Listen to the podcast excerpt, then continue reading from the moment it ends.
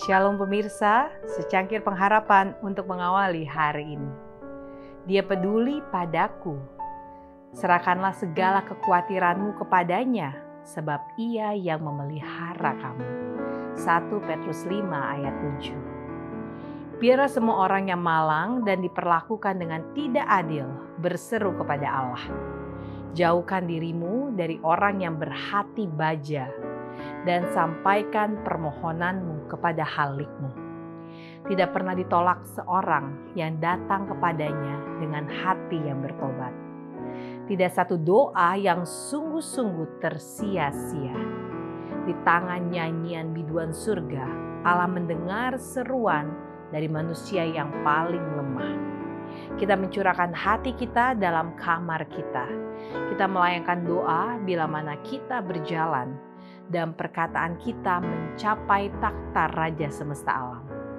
Ini mungkin tidak kedengaran kepada telinga manusia, tetapi itu tidak akan hilang dalam kesunyian ataupun hilang karena kegiatan yang tengah berlangsung.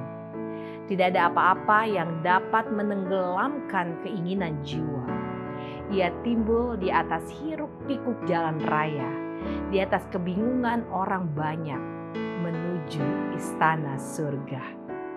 Allah yang kepadanya kita bertutur, mendengar doa kita. Seri Membina Keluarga, jilid 5, halaman 129. Kita hendaknya tidak menggelapkan jalan kita sendiri atau jalan orang lain dengan bayang-bayang pencobaan kita. Kita memiliki juru selamat yang harus kita tuju, yang ke telinga pengasihannya kita dapat menuangkan setiap keluhan. Kita mungkin menyerahkan semua masalah dan beban kita kepadanya. Maka pekerjaan kita tidak akan tampak sulit atau pencobaan kita akan menjadi ringan.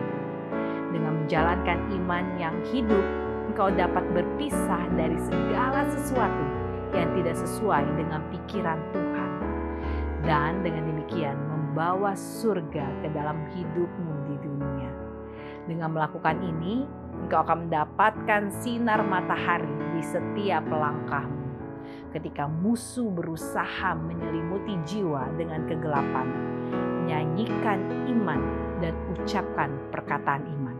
Maka engkau akan menemukan bahwa engkau telah bernyanyi dan berbicara tentang hidupmu yang ada dalam terang. Councils to Teachers halaman 233 dan 234. Demikianlah renungan kita hari ini. Selalu mulai harimu dengan secangkir pengharapan.